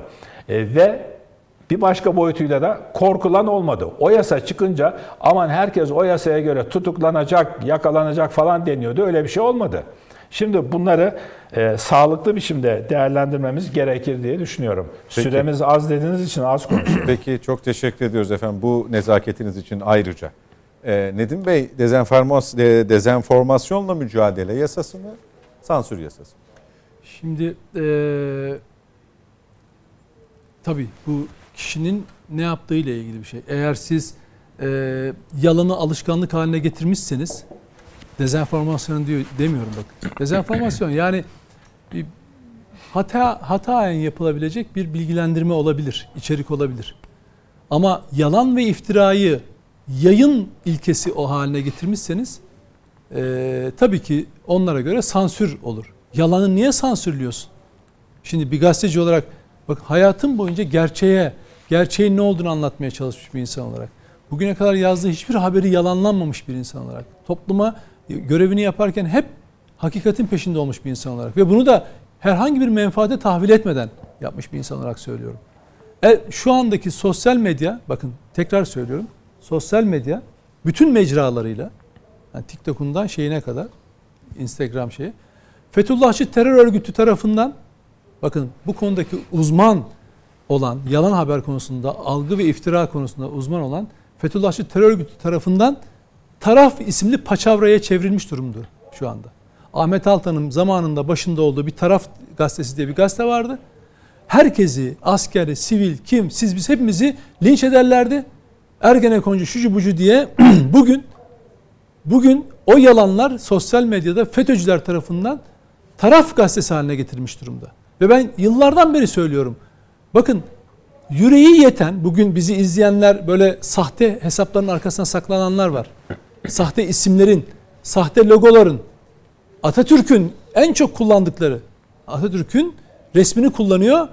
Uyduruk bir isim veya rakamlar dizisi, bir profil ismi. Ondan sonra e, e, duvara da bir resim tekrar bir fon duva, e, hesabına da fon olarak da yine bu Atatürk'ün bir resmini koyuyor. Ondan sonra başlıyor size saydırmaya. Güya Atatürk'ün rolü yapıyor. Taklidi yapıyor. Hakaret ediyor, iftira atıyor. Ben diyorum ki kardeşim iste, sansür niye sansürden korkuyorsun? Korkma. Hani cesursunuz? Hani korkusuzsunuz? Hani herkes sizin karşınızda titriyordu? Ben diyorum ki yine hakaret et. Yine küfür et. Yine iftira at. Hiç. Ben onunla mücadele yeter ki ben karşımda kim olduğunu bileyim. Tek isteğim var. Sen eğer o yazdığına doğru olduğuna inanıyorsan doğru olduğuna inanıyorsan hayır kardeşim o doğrudur. O hakikattir diyorsan sen isminle yazacaksın bunu bundan sonra. Sen yazmasan da yasa gereği o e, pardon hesapları işleten şirketler Türkiye'de Türkiye'de büro açacaklar. Hukuki mesuliyet alacaklar. İsimleri onlar ya, e, savcılara bildirecekler. Avrupa'da, Fransa'da, Almanya'da ki kadar bir sosyal medya yasası istiyorum. Orada halkı ayaklandırma çabası, halkı infiale etme gibi soyut hani netleşmeyecek e, maddeler bile var. Ve 24 saat içinde hesap şey yalan haberi kaldırmazsan, dezenformatif e, haberi kaldırmazsan şeyi kapatıyor. Yüz milyonlar, yüz binlerce euro para cezası yazıyor Avrupa'da. Peki Türkiye'de ne oluyor? Türkiye'de sıradan bir insan ya da başka farklı düşünen bir insan, siyasetçiler, yargıçlar, emniyet gör fark etmez. Şehitlere, şehitlere PKK cirit atıyor ve küfür ediyor ya. Adamın ölmüş anasına küfür ediyor, ailesine, eşine, çoluğuna, çocuğuna küfür ediyor. Ediyor, ediyorlar. Bu peki bu yasadan, yasanın çıkmasından en çok kim şikayet ediyor? Muhalif, muhalif olduğunu söyleyen sözde e, operatörler. Bütün hepsini sayıyorum. İşgal ediyorlar. Niye? E tamam. Da rahatsız. O bir maddeden bahsediyor. O soyut değil diyor. Yani bazı somutlaşması lazım. Karar vericiler yalan haber konusunda hangi maddenin nasıl işletileceği konusunda onu pratik bize gösterecek. Biraz yargıçlar e, o uygulamayı gösterecekler. ama Ha, öyle değil. başar- başarılı öyle değil. Ben anlıyorum ne diyor. Ya önemli olan şudur biliyor musunuz? İpek Hanım dinlerken niyetini okuyabiliyorsunuz, anlatabiliyor yani. Tamam? Yasanın tamamına bazıları ki yasa sansür yasası falan. E peki tamam. Hep şikayet etmiyor musunuz? Şu troller var, ak troller var, bu troller var. İşte size imkan yasa çıkınca kimmiş onlar? Tıkır tıkır tıkır çıkarın şeyi. Hani troll orduları çalıştırıyorlar ya iftira atmak için. Şimdi o merkezleri, o sosyal medya gönüllülerini, sosyal medya şirketlerini, anket firmalarını, onların altında oluşmuş yapılarını şimdi kendilerine iftira atan, yalan haber yazan, kendileriyle ilgili olan aktroller mi? Kim diyorsanız siz onları şikayet edin bundan sonra. İşte size yasal imkan. Ama mesele ne biliyor musunuz? Ya Türkiye'de bir algı yaratacağız ya aynı gazeteciler, tutuklu gazeteciler raporu nasıl bir rezalettir CHP'nin? Terör örgütü üyesi çıkmış dağdan diyor ki ya ben görevimin başındayım diyor ya. E, yanında Kale- Ka- Kaleşnikov tüfek. Evet diyor ben gazeteci falan ismim orada olan benim diyor. CHP'liler zerre utanmıyorlar ya. Özgür Özel zerre utanmıyor kardeşim. Ya nasıl bir hata yapmışız demiyor ya. Bunu gazeteci sayıyor. Şimdi hala açın interneti yazın Google'a yazın. CHP'nin tutuklu gazetecileri raporu yazın. Rapor önünüze geliyor. Dilşah Ercan da gazeteci görünüyor. Hala CHP'ye göre gazeteci kardeşim bu kadın. Ama dağda görevinin başında tırnak içinde. PKK kadrolarında. Sadece o değil. O, o listede hüküm giymiş başka PKK'lılar. Size örnek verdim. Cezaevinde o tarih itibariyle tutuklu olan, hükümlü olan 71 gazeteci var. 47'si PKK, KCK. Peki bu 9'u yönüyle- 9'u şey e, dev, DHKPC. Bu yönüyle anlatılamadığını düşünüyor musun düzenlemenin? Kardeşim ne söylerseniz anlamaz ki. Ya adam yerli otomobil yaptılar. Ya aynası yok diye adam dal geçiyor ya. Ya yok bu o diyor yerli değil diyor. Kaportası şöyle falan diyor. Uçak yapıyor uçak. Türkler uçak yapıyor. İHA SİHA yapıyor. Yok ya o planör diyor. Tekerlekleri var diyor. Yürüyor falan diyor. Ha gidiyorlar. Koca koca adamlar. Ya, ya neydi gaz gaz keşfinde bulunuyorsunuz. Ya yok o gaz falan çıkmaz falan dalga geçiyorlar hocam. Sen neden bahsediyorsun? Bak gerçeklikten bahsediyor. Ne anlatsanız ya adam hala 15 Temmuz'u kontrol darbe zannediyor. FETÖ'cüler bile bunu kendi içinden sivil imamların içine karıştığı şey yapıyor. Bunu kim yaptı? CHP yaptı kardeşim. Kılıçdaroğlu yönetimi yaptı. Bu insanlar dedi ki kontrollü darbe.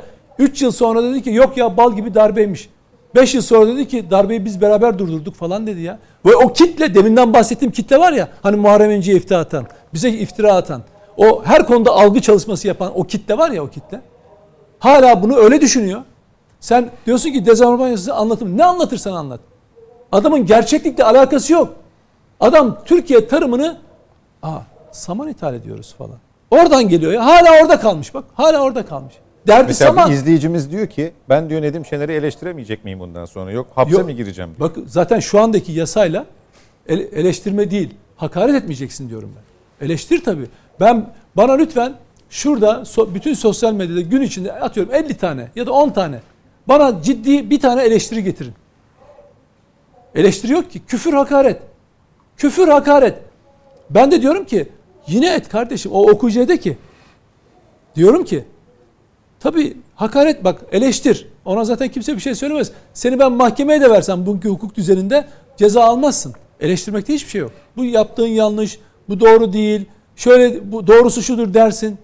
Ama kişinin annesine, ailesine, şahsına küfür etme. Ha, etmek mi istiyorsun? O e izleyici, etmek mi istiyorsun? Çık karşıma. Hayır. isminle et.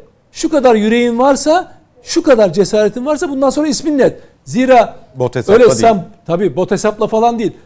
Bu ya- yasa ne getiriyor bize? Bu tür hesapların kimliğinin e, şirketler tarafından burada ofis açılıp adli merciler talep ettiğinde vermek üzere. Kaldı ki bakın tekrar söylüyorum. Dünyanın her yerinde bu şirketler ofis açmışlar. Burada milyarlarca lira para kazanıyorlar, euro kazanıyorlar, dolar kazanıyorlar. Bir kuruş vermeden, ver- vergi vermeden, tamam yayın yapıyorlar ve her yalanı, bak her yalanı, her yalanı enjekte edebiliyorlar. Şunu söyleyeyim ya, bakın ya kardeşim insan hakikaten bu ülkede çıldırır yani. FETÖ'cü hiçbir hesap kapatılmıyor. FETÖ'cülerin açtığı iftira hesapları kapatılmıyor. Ama bir vatansever bir şeyler yazsın tak hesap kapatılıyor. Takır takır hem de defalarca kapatılıyor. Kim yapıyor bunu? Ve bu sosyal medyanın sosyal medyanın özellikle Amerika Birleşik Devletleri tarafından niye üzerine duruluyor bu kadar? Çünkü her operasyonu buradan çekecekler. Medya onlar için bir operasyon aracıdır. Öyle medya özgürlüğü koşulsuz falan diye bir şey yok. Şimdi burada PKK elebaşı Öcalan'la ilgili olumlu şey yazıyor. Şimdi HDP'liler yapıyor, siyasi çalışmalar yapıyor ama kullanıcılar da yazıyor. Bu başlık nasıl kalabiliyor orada? Ama Türkiye ile ilgili olumlu bir başlık Twitter'da yer aldığında tak onu hemen kaldırıyorlar yayından. Aşağı indiriyorlar. Bunu peki Öcalan'ın nasıl? Yani biz o zaman mesela Usama Bin Laden'le ilgili niye yapamıyoruz? Yapmayız da zaten Amerika adamı çizer değil mi? Amerika topraklarına gidin bakalım. IŞİD'le ilgili, El-Kaide ile ilgili tek bir laf edin. Tek bir tweet atın bakalım. Guantanamo'ya yarım saatte sizi götürüyorlar mı götürmüyorlar mı göreceksiniz. Hadi yapın bakalım. Dü- Sadece orada değil. Dünyanın herhangi bir yerinde. Bu Türkiye'den de bahsediyorum. Gidin IŞİD'i, El-Kaide'yi övün. Oradaki CIA, FBI nasıl Türk e, e, istihbaratına, emniyetine bilgi veriyor, sizi evinizden aldırıyor. Aklınız şaşar. Peki. Şimdi kendi ulusal güvenliğini korumak için ne yaptı TikTok'u? Çinlilerin elinden Amerikalılar nasıl aldı? Dedi ki onu satmazsanız size şunu şunu yapacağım dedi değil mi? Şunu yapacağım dedi. Çinliler zoraki sattılar. Niye sattılar? Çünkü dedi ki TikTok üzerinden Çin benim üzerime saldırı yapabilir dedi. Yahu kardeşim bakın bu, hani bu sözde muhalifler var ya sözde Atatürkçüler böyle kendilerini çok şey bilen zanneden zavallılar. Amerika Birleşik Devletleri kendi ulusal güvenliği için tehdit gördüğünden şirket kararıyla, Twitter şirketi kararıyla kendi başkanlarının hesaplarını kapattı kardeşim. Ya neden bahsediyoruz biz? Kendi başkanlarının evini bastırdı ya. Bu Amerika Birleşik Devletleri'nden bahsediyoruz. Siz bu ülkenin bu sosyal medya üzerinden tam da hedefe koyduğu Batı'da Yunanistan üzerinden, Güneyde Suriye üzerinden, Yunan, İs- İsrail üzerinden size operasyon çekmek için her türlü fırsatı kolladığı bir anda sosyal medyayı boş bırakacak ifade özgürlüğü demokrasi o geçti. Bak o geçti. Bitirmek Tamam, durumundayım. bitirelim hocam bak. Tamam. Öyle demokrasi lafını hani ne diyorum deminden ne dedim? Atatürk'ü Kuvayi Milliye'yi bunların bu sahtekarların ağzından alacaksınız. Bu yurttaşlık görevidir. Demokrasi, ifade özgürlüğü, hukuk laflarını bunların ağzından alacaksınız. Çünkü Amerika'nın ağzında olmaz. Demokrasi deyip de dünyanın her yerinde darbe yaptıran, her yerde operasyon çeken bir Amerika Birleşik Devletleri var ve medyasıyla nerede biliyor musunuz? Cebimizde. Şimdi bana oturmuşlar bu sansür diyen, bu yasaya diyen o hani size de e, mesaj atan vatandaş okudu mu bu yasanın içeriğini? Okudu mu? Sıfır. Tam Hulki Bey'in söylediği noktaya geliyoruz. Bilgi sahibi olmadan adamlar ansiklopedi yazmaya kalkıyorlar. Tek bir kitap. Bırak kitap okumayı. Şurada iki, iki sayfalık yasa metni. Oku bakalım ne anlayacaksın. Senin o kafan bunu anlamaya yetecek. Teşekkür ediyorum dedim Şener. Sağ olasın. Ee, diğer konuklarıma da teşekkür ediyorum. Devam edeceğiz. Dönüşte Ya, e, özür dilerim. Bir- bir cümle Rusya daha söyleyeyim. Ukrayna arasında Bir cümle daha Rusya ile söyleyeyim. Şöyle söyleyeyim. Bakın yalan haberle şey yapmak, mücadele esasında meslek örgütlerinde şeydir. Siz hiç hiç yalan habere, terör propagandasına meslek örgütlerinin itiraz ettiğini duydunuz mu? Ne oldu CHP'nin tutuklu gazeteciler raporunda bir tane milletvekili suçu kimin üzerine attı? Ya biz bunu diyor gazetecilik örgütlerinden aldık diyor. Bakar mısınız rezalete? Gazetecilik örgütlerinden o listeleri almışlar. Düşünün benim adımla başka gazetecinin adıyla o liste onlara gitmiş onlar da onun üzerine rapor yazmışlar ya. Ya ülke bu halde kardeşim. Peki teşekkür ediyorum Nedim Şener. Rusya ile Ukrayna arasındaki gerilim yeniden tırmandı. Sebeplerini biliyorsunuz. Ayrıntıları birazdan Mete Yarar'la harita üzerinde konuşacağız. Bizden ayrılmayın efendim.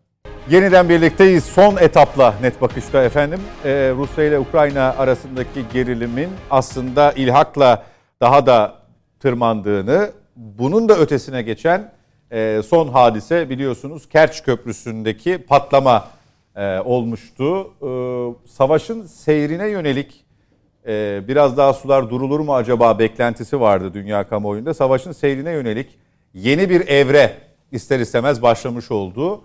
E, başka şekilde devam mı edecek? Bir yandan da tabii diplomatik tarafında işin temaslar sürüyor. E, onlardan en önemlisi bizi de çok yakından ilgilendiren e, Kremlin'den gelen son açıklama eşliğinde e, Türkiye'nin bu işte arabulucu olup hatta Türkiye'nin bu anlamda bir görüşme merkezi haline getirilip e, iki ülke liderinin bir araya getirilmesi ve ateşkesin bir an önce sağlanması noktasında beklentiler var. Diplomasi masası da bu anlamda bu şekilde yürüyor diyebiliriz ama sahada şiddet biraz daha arttı. E, patlamalar yaşanıyor ardarda. Arda. Mete Yarar'la harita üzerinden ilerleyelim. Öncelikle stratejik, e, sembolik ne nasıl değerlendirirsek, nasıl tariflersek tarifleyelim. Önemdeki e, köprüyle başlayalım, köprüdeki patlamayla. E, Mete Yarar alalım seni. Şöyle senle yer değiştirerek e, ilerlersek ben söyle. şöyle geçeyim. Yok oturmayayım. E, sen harita üzerinde atlatabil, e, anlatabilirsin. E, yani Kerç şöyle... Köprüsü'nün hem önemini hem bundan sonraki sürece ilişkin bizi nelerin beklediğini. Yani tabii bunun bir e, lojistik anlamdaki öneminin ötesine bir de siyasi önemi var. Sonuçta 2014'ten sonra Kırım'ın ilhalkıyla e, sonuçlanan ve e, Rusya'nın artık bir parçası olarak e, övündükleri hatırlarsanız o sırada daha Donetsk'le Luhansk e, ilgili bir statü yoktu. Bir tek Kırım vardı. E, ee, resmi olarak yoktu ama fiili olarak vardı değil mi? Yok fiili olarak da yoktu. Hala Ukrayna'nın içinde bir parçaydı. Ukrayna'nın içindeydi evet. En son hatırlarsanız. 2014'ü kastediyorsun. Ben 2014'ü evet, kastediyorum.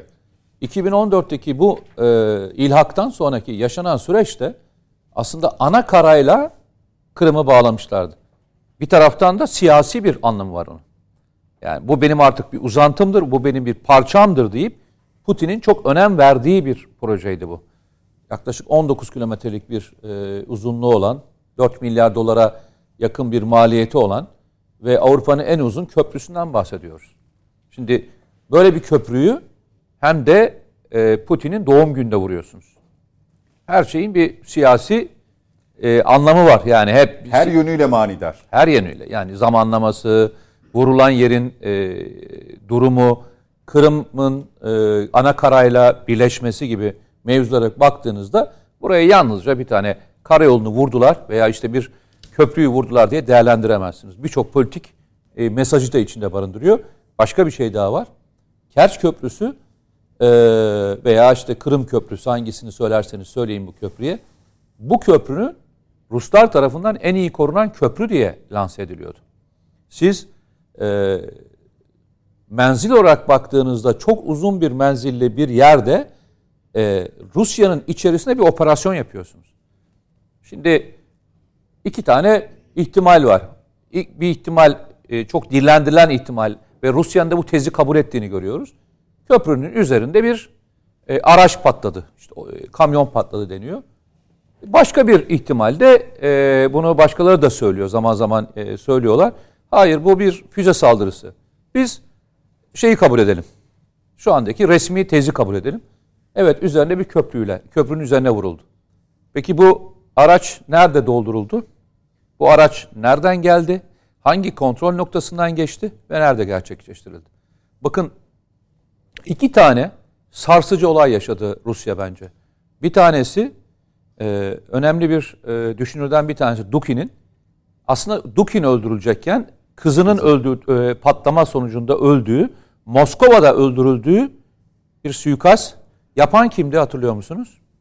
Rus e, Ukrayna özel kuvvetleri. Yine bölgede patlayan bir araç ve e, köprünün fotoğrafını koyabilir miyiz? O patlama sonucunda ortaya Fotoğrafları gelen. Var var bir tane. Pat, patlamadan sonraki evet. Evet onu arkadaşlar e, almışlardı. Çok da güzel e, bir e, fotoğraf.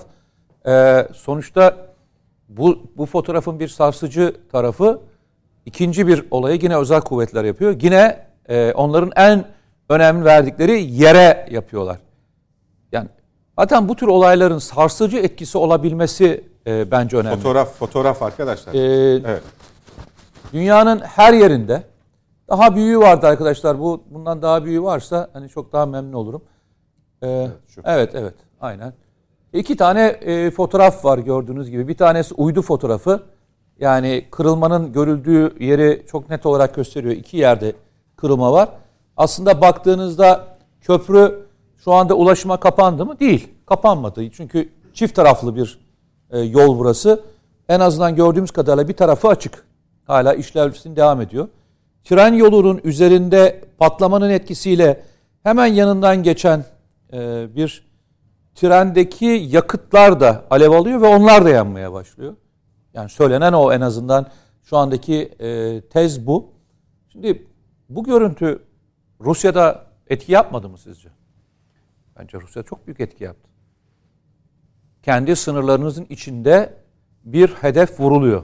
Zaten farkındaysanız hemen arkasında Rusya bugün itibariyle işte kömür santrallerine, e, enerji gruplarına, istihbarat merkezlerine, Zelenski'nin e, siyasi bürosuna, Bürosuna. dahil olmak üzere onunla beraber onlarca sivil hedefe de saldırdı. 71 tane atıldı. Bunun işte 45 tanesinin vurulduğu, diğerlerinin isabet ettiği söyleniyor. Bu bitecek mi? Bence bitmeyecek gibi gözüküyor. Çünkü bunun arkasından e, şu anda Ukrayna almış olduğu hızla açık ne söyleyelim. Hedefleri vurmaya devam edecek.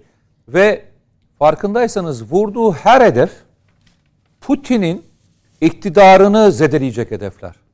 Bu hedef savaşın bütün seyrini değiştirir mi? Değiş- Değiştirmez. Ama Putin'in mutlak iktidarını sorgulatır hale getirmeye çalışıyorlar. Peki bu bu anlamda son söylediğinden yola çıkarsak sadece Ukrayna'nın hamlesi olarak mı yorumlanmalı? Hayır, kesinlikle. Yani e, böyle bir istihbarat e, faaliyetini yürütüyorsanız e, muhakkak içeriden başka istihbarat örgütlerinden de destek alıyorsunuzdur. E, başka özel kuvvetlerden de destek alıyorsunuzdur. Çünkü Du- Dugin suikastında olduğu gibi. Dugin suikastında olduğundan ötesine tabii bir sürü e, bu bildiğimiz acaba kaç tanesi yapıl, yapıldı ve kaç tanesini engellediğini biz şey olarak bilmiyoruz. Yani açıkçası bilmiyoruz. Ve önümüzdeki dönemde neler yaşanacağını da bilmiyoruz. Hulki Bey'in bir sorusu var galiba. Ya şunu merak ediyorum ben. Hani vaktimiz yok dediniz ama bu akşam. Şöyle bir savaşta çocukların bile aklına gelebilecek en önemli şey ulaşımı ve ile- iletişimi kesmek rakip tarafın.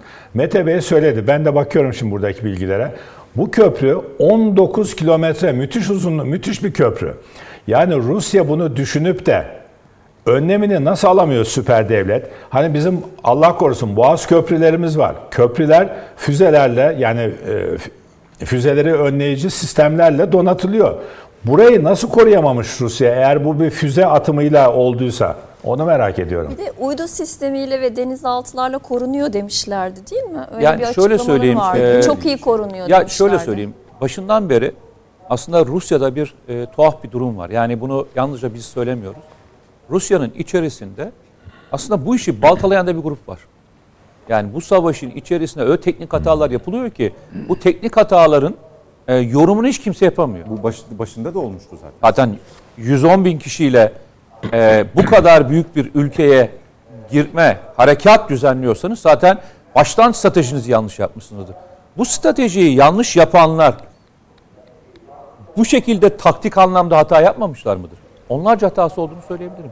Ya düşünsenize hala bugün bile, hala bugün bile seferberlik için topladıkları askerlere 70 model silah verilir mi? Ve bu verdiğiniz silahlar e, paslar içinde olan görüntüsü servis edilir mi? Ya ben açık net söyleyeyim. Benim öngörümü söyleyeyim. Putin karşıtlığı bir grubun şeyin içinde olduğunu söyleyebilirim ben. Bu işi. Bürokrasinin içinde olduğunu söyleyebilirim. Yani Putin'in e, gitmesini isteyen bir grup e, var çünkü başka türlü açıklayamazsınız. Yalnızca bunu istihbarat örgütlerinin Putin, e, Putin'in de FETÖ'sü var demek ki. ya tabii ben bilemiyorum hani nesi olduğunu ama Putin karşıtlığı olduğunu söyleyebilirim ve ilginç bir şey var. Geçen e, önemli bir e, hani bu Rusya'yı takip eden gazeteciler, Rus gazeteciler çok ilginç bir şey yazmışlar, makale yazmışlar. E, Rusya'nın dış politikası ile ilgili. Son dönemde her ülkede vardır. Mesela Amerika içinde konuşurken ne deriz? CIA ile Pentagon çatışması deriz. Aynısı Rusya için de geçerli. Rusya'nın içinde de şu anda Eski KGB şimdi KGB'nin arkasından iki tane e, FSB ve e, SVR diye ikiye ayırdığımız FBI ve CIA gibi e, ikiye ayrılmış olan yapı ile Shogun arasında inanılmaz bir rekabet var ve inanılmaz bir kavga var. Ama çok amatörce. Ama e, zaten böyle olur zaten. Diğeri diğerine destek vermediğinde bu görüntüleri görmeye başlarsınız. Evet geçelim diğer haritaya Yani, arkadaşlar. Bu e, e, sahaya yansımasının, e, ana fotoğrafa yansımasının ne olduğunu da bir yandan anlatalım. Sen devam et. E, şunu söyleyeyim. E, onların yazdığı makalede çok ilginç bir şey. Mesela istihbarat örgütü Dışişleri Bakanlığı e, Ukrayna'nın işgalini onaylamıyorlar. Bunu tek yapabileceğini iddia eden şey makam Savunma Bakanlığı. Diyor ki Savunma Bakanlığı biz bu savaşı bu kadar kısa sürede bitirebiliriz. İki grup bunun bu kadar kolay bitmeyeceğini e, iddia ediyorlar ve masada bunun kararını ilha şey içeri girme kararı verildiğinde son karar e, Putin tarafından Savunma Bakanlığı e, tarafı tutularak yapılmış. Şimdi yavaş yavaş dökülmeye başladı. Kim neyi savunmuş, nasıl yapmış? Şimdi düşünebiliyor musunuz? Biz hatırlayın savaş başladığında nasıl bir görüntümüz vardı? Ukrayna'nın neredeyse doğusunun alındığı bir görüntüyle karşılaşmıştık. E zaten Luhansk ve Donetsk bölgesi zaten vardı. E Kırım da vardı ellerinde. Şu bölge mi şu anda bütün savaşın bütün savaşın çıkmasının nedeni şurası mı? Bu arada ne kaybetti Rusya? Bir, her yerden e, şu anda hani tabiri caizse aforoz edildi. Aforoz. Aforoz edildi. Bütün yapılardan aforoz edildi. E, üstüne üstlük o yenilmez e, denen ordusunun e, yenilebildiğinin ötesine darmaduman olduğunu gösterdi. E, üçüncü olarak önermeden bir tanesi hep deha olarak söylediğimiz Putin e, ki ben de öyle düşünüyordum. Yani bu, bu tek, teknik hatalar yapmaz dediğimiz Putin'in ne kadar büyük bir hata yapabileceğini gördük ve hata yapmaya devam ediyorlar. Bakın şu anda e, şöyle söyleyeyim. Tabiri caizse yanlış bir tabir olabilir bu. Tabii Ukrayna toprağı burası ama Rusya ilhak ettikten sonra buralar artık Rus toprağı. Kendi yasasına göre Rus toprağı. Ve şu anda Rus toprakları Ukrayna ordusu tarafından işgal altında. Rusya'ya göre. Ve farkında mısınız? Tepkiler çok şey.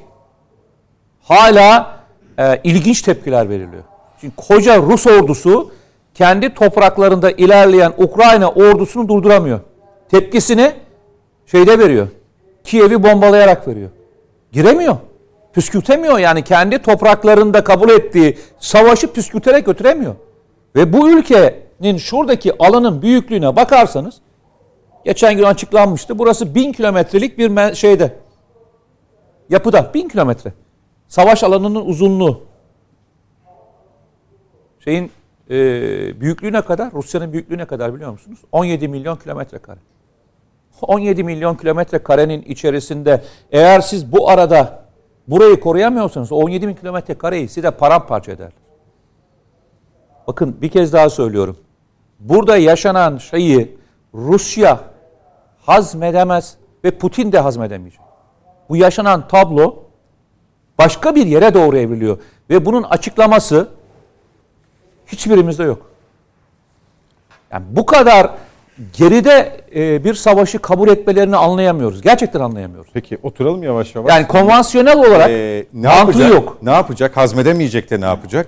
Ne yapabilecek ya da? Şöyle söyleyeyim. Biraz daha ileri gidelim. Hep beraber ileri gidelim.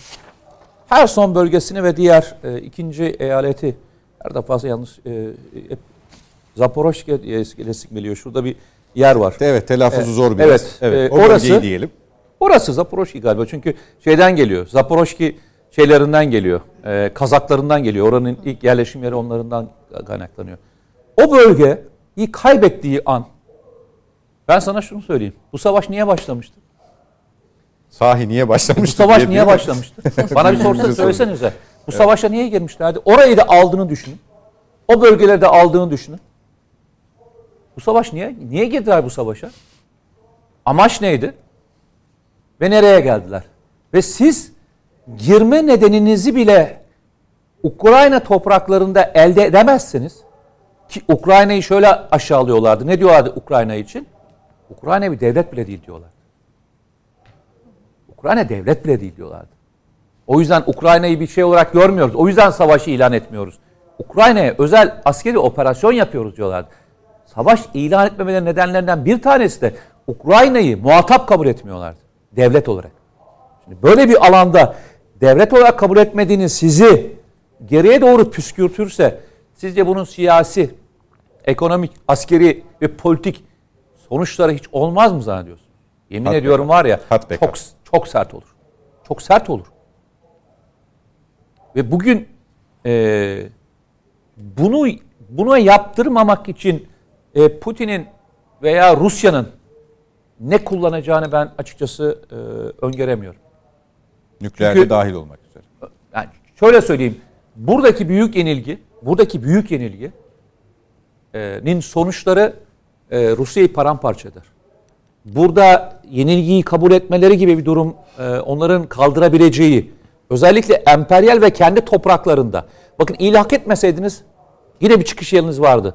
Derdiniz ki kardeşim buralar şey e, bağımsız. Ben bunun bağımsızlığını kabul ettim ama sonuçta Rusya toprağı değil.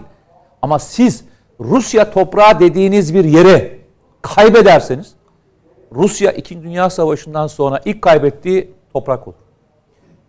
Ülkeler toprak kaybetmenin bedelini e, ödemezler mi sence? Siyasi olarak. Her siyasetçi öder. Tarihteki örneklerine bakarsak Her siyasetçi öder. peki. Çok teşekkürler. O yüzden diyorum yani burayı lütfen e, doğru okuyalım. Kerç Boğazı ve diğerlerine ötesine asıl Ukrayna'da Rusya neyi yapamıyor'nun sonuçlarını burada aramayın. Bence Moskova'da arayın. Moskova'da bir tuhaflık var. Peki o tuhaflığın yansımalarını çok geçmeden göreceğiz gibi sanki. Bence çok uza- uzun zamanda görmeyiz. Çok yakın bir zamanda görürüz. Peki. Çok teşekkür Ben ediyorum. teşekkür ediyorum. için. Pek Hanım çok sağ olun katıldığınız için. Ben konuşa konuşa ederim. bir hal oldunuz. Ee, yani e, diğer konuklarıma söz veremedim sizin e, yüzünüzden. O yüzden çok teşekkür ediyorum efendim. Muharrem sağ İnce'den, Muharrem. İnce'den mesaj. Elemanımı çağırdılar. Sözcümüzü ama konuşturmadılar. Ama Bu nasıl süre medyadır kısıt. diye Yok, ha, estağfurullah süre Yok. kısıtlıydı. İnşallah bir dahaki Çok, sefere telafi anlayışınız, ederiz. hassasiyetiniz çok teşekkür ediyoruz Rica efendim. Sağ ederim. olun. Sağ Ülkü olun. Bey de öyleydi zira. Ee, Sayın Cevizoğlu çok teşekkürler. İyi geceler, teşekkürler. Sağ olun efendim. Nedim Bey en az konuşanımız olarak size çok teşekkür ediyorum. Teşekkür ederim. En çok konuşan benim. Ben özür diliyorum herkesten. Çok sağ olun efendim Allah katıldığınız için. Haftaya görüşmek üzere diyelim. Ee, önümüzdeki hafta saatler 20.45'i gösterdiğinde net bakışla yeniden karşınızda olacağız. Mete Erer haftaya mı yoktu? On- ondan sonraki hafta. Birkaç hafta sonra. Birkaç hafta sonra. Peki benim de. Beni de sen de beni Beni- sen de beni Ee, çabuk yok, silmeye yok, yok, hazır benden kaynaklı. Ben Peki, şaşı- tamam. şaşırdım. Gündüz konuştuk. Önümüzdeki hafta gibi algılamışım. Önümüzdeki hafta görüşmek üzere efendim. Hoşçakalın.